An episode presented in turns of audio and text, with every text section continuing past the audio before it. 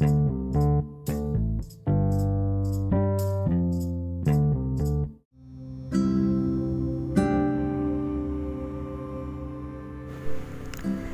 sobat, apa kabar kalian?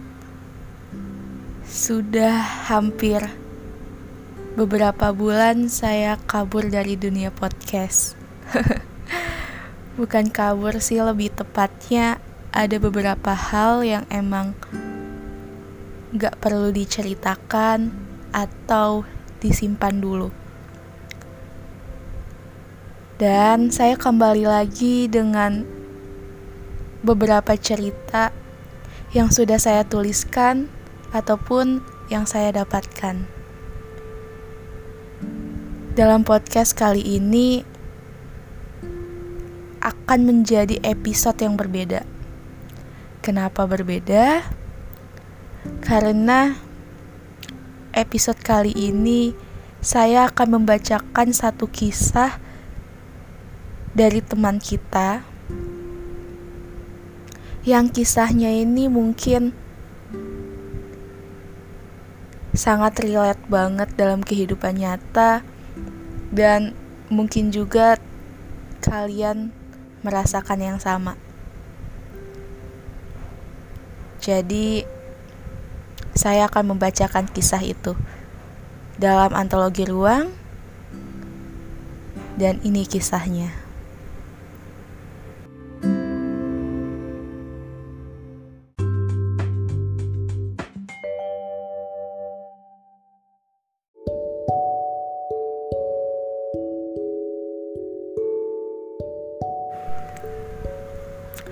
Surat dari mantan pejuang LDR yang gagal.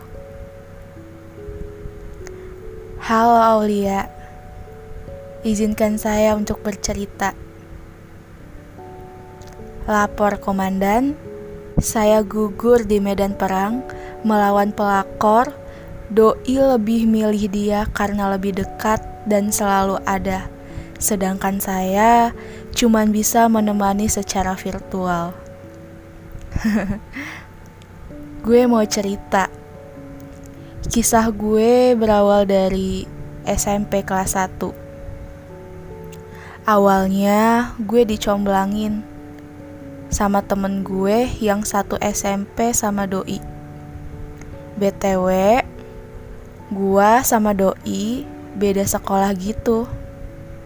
Setelah gue dekat dan akhirnya gue pacaran untuk pertama kalinya dalam sejarah hidup gue, istilahnya the first love. Ternyata gue sama dia cuma bertahan seminggu lebih, maybe hampir dua minggu, kurang dikit. gue diputusin ul dia secara tiba-tiba dan sepihak entah nggak pakai alasan apa pun. Ya udahlah, namanya masih bocil, jadi ya udah gue terima aja. Tapi jujur, gue masih belum lupa dia mutusin gue tanpa sebab. Alhasil, setelah berjalannya waktu, gue masuk salah satu SMA favorit di Lampung. Dan gue satu sekolah lagi sama temen gue dari SD yang mencomblangkan gue dulu sama si Doi. Gue sekelas sama dia dari kelas 1 sampai kelas 3. Dan sebangku juga. Gue SMA gue SMA sempet pacaran juga sama anak satu sekolah tapi beda jurusan. Gue IPA, dia IPS. Alhasil gue pacaran sama dia tiga tahun. Jadi dari mos sampai kelulusan. Gue udah sampai di mana gue lulus, ternyata gue sama dia putus karena beda pendapat. Ya maklumlah ul, cinta-cintaan anak bocah. Lalu sampai di mana dia masuk di salah satu universitas negeri di Lampung dan gue nggak masuk.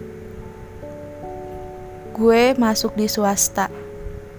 ternyata si doi yang first love gue itu datang lagi ul tiba-tiba kehidupan tiba-tiba di kehidupan gue tepatnya tanggal 18 Juli 2018 jam 2 malam dia reply snapgram gue tentang film gitu.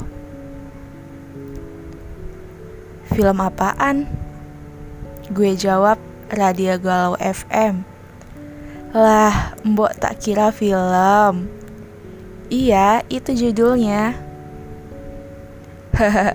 Tak kira apaan dah BTW SBM kamu keterima dari percakapan di atas, Doi mulai WhatsApp gue. Dari situ kita mulai dekat. Dan Doi cerita kalau dulu pas gue SMA dia sempet nyariin gue ul. Dan ternyata Doi tahu kalau gue udah punya pacar. Terus dalam hati gue kayak bilang, mampus, kenapa ya lo dulu mutusin gue tanpa sebab? asli gue kesel sih saat itu. Kayak lagi sayang-sayangnya terus ditinggal tanpa sebab. Dari situ ul ternyata doi udah nggak di Lampung lagi. Dia kuliah di Jogja. Pas gue tanya kenapa pindah dia jawab disuruh papa di Jogja singkat cerita Doi ngajak gue pacaran lagi. Dia minta maaf dan nyesal gitu dulu mutusin gue tiba-tiba. Lalu gue di situ nggak yakin sama dia secara masa ya gue LDR kan. Lampung Jogja lumayan jauh lah ul. Tapi doi di situ ngeyakinin gue bahwa sampai akhirnya gue luluh dan gue terima dia. Doi selalu bilang, LDR itu gampang kuncinya, yang penting saling percaya. Jadi, singkat cerita gue jadian tanggal 28 September 2018.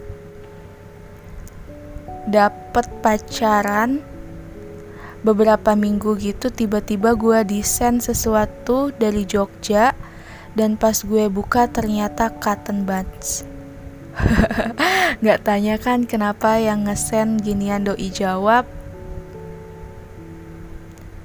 Karena kalau kamu telepon selalu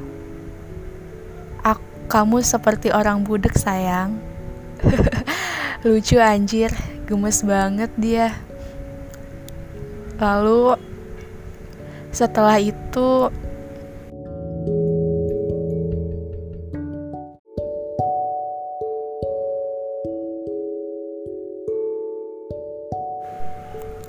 Kemudian doi saat itu pernah bilang bahwa dia pengen banget gelas muk. Alhasil gue kirim kado tersebut anggap aja balas budi akan kiriman cotton bud yang dia kirim dari Jogja. Alhasil ketika gue lihat gelas itu selalu dia pakai untuk dia ngopi di kosannya. Ternyata bahagia itu sederhana ya ul. Lalu singkat cerita gue udah pacaran satu bulan sama dia. Lagi-lagi Doi kasih gue hadiah boneka teddy bear yang gede banget Dan gue shock saat itu Karena jujur gue gak pernah minta apa-apa Dan pas gue tanya Dia bilang Ini kado enip kita satu bulan sayang uh, Gemes banget loh Gue ketika ngedengar itu dari dia Pokoknya gue selalu nunggu dia balik ke Lampung setiap enam bulan sekali. Alias setiap libur semester terus kita main keliling-liling Lampung untuk ngelepas kangen. Lanjut, hubungan gue sama doi sejauh itu baik-baik aja. Dia selalu ngajarin gue buat bersyukur, selalu kuat ngadepin masalah, selalu kuat ngejalanin hubungan sama dia, dan masih banyak lagi. Kemudian tepat tanggal 9 Februari 2020 Entah kenapa doi mutusin gue tanpa sebab ul. Gue di situ bingung dan bener-bener bingung. Secara gue nggak tahu salah gue di mana. Ternyata uh, pikiran gue selalu positive thinking. Mungkin aja dia cuma salah paham dan akhirnya benar dia pak salah paham dan kita balik lagi ul. Tapi ternyata selama balik lagi gue ngegepin atau gue melihat dan gue tahu dari temen gue bahwa doi main aplikasi dating. Jujur saat itu rasanya hancur banget ul. Kayak gue mikir buat apa coba dia main aplikasi begituan. Sedangkan apa gunanya gue untuk dia? Pokoknya di situ gue udah mulai ngerasa bahwa hubungan gue udah aneh aja. Dia selalu bohong gak jelas. Dan di situ dia selalu nuntut gue untuk jadi yang gak mau untuk jadi yang dia nggak mau. Misal, kayak saat itu berat badan gue lagi naik dan dia nuntut gue kayak gini ul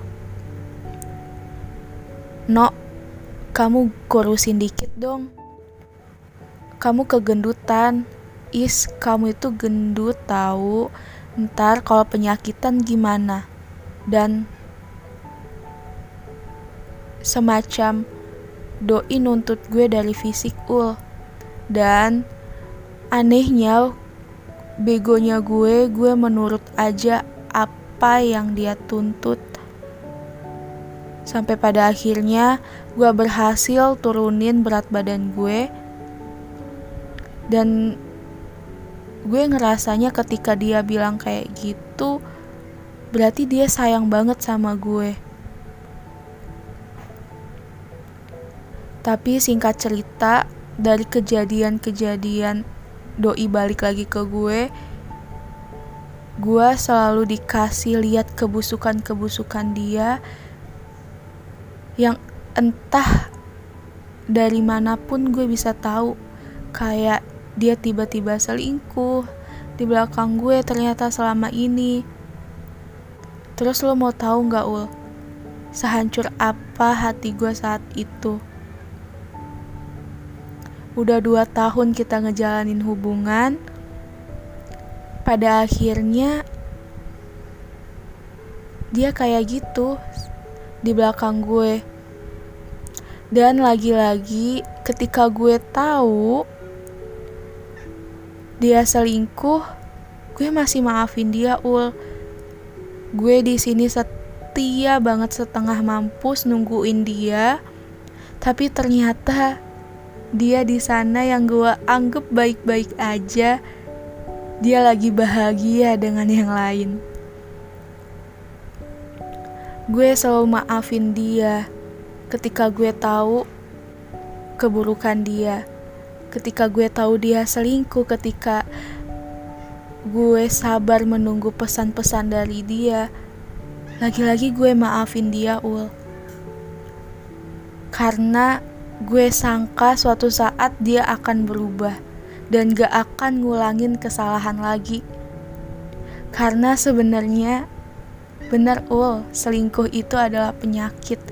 Tapi selalu gue pikir gue selalu berpikir kayak gini semua orang bisa berubah jadi lebih baik. Dan lagian dia juga udah ngakuin dia salah. Ternyata gue salah. Dia selingkuh lagi dan dia ulangi lagi perbuatan bajingan dia. Awal tahun 2001, 2021 ini gue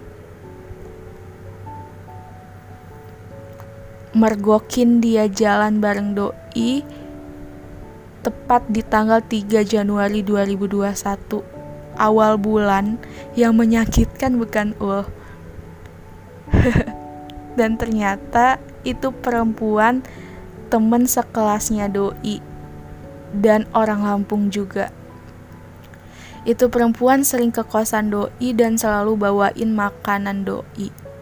Selalu bawain makanan untuk doi ya benar perempuan itu tahu doi gue udah punya pacar dan tetap aja mereka intens ketemu dalam alasan project bal project bareng dan cuma teman sekelas.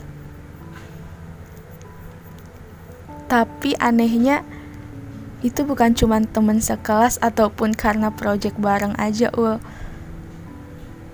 sampai akhirnya gue tanya sama temen-temen doi.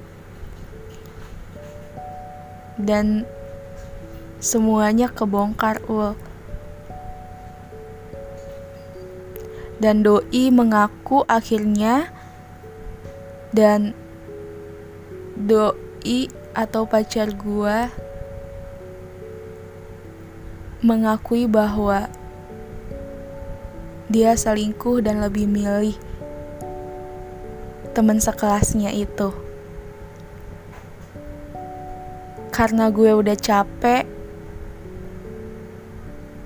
dan pada akhirnya gue mundur. Singkat cerita, kita pacaran udah hampir tiga tahun ul Tiga tahun gue sia-sia nunggu dia balik sampai selesai kuliah. Kepercayaan gue semuanya sia-sia dan pada akhirnya hancur.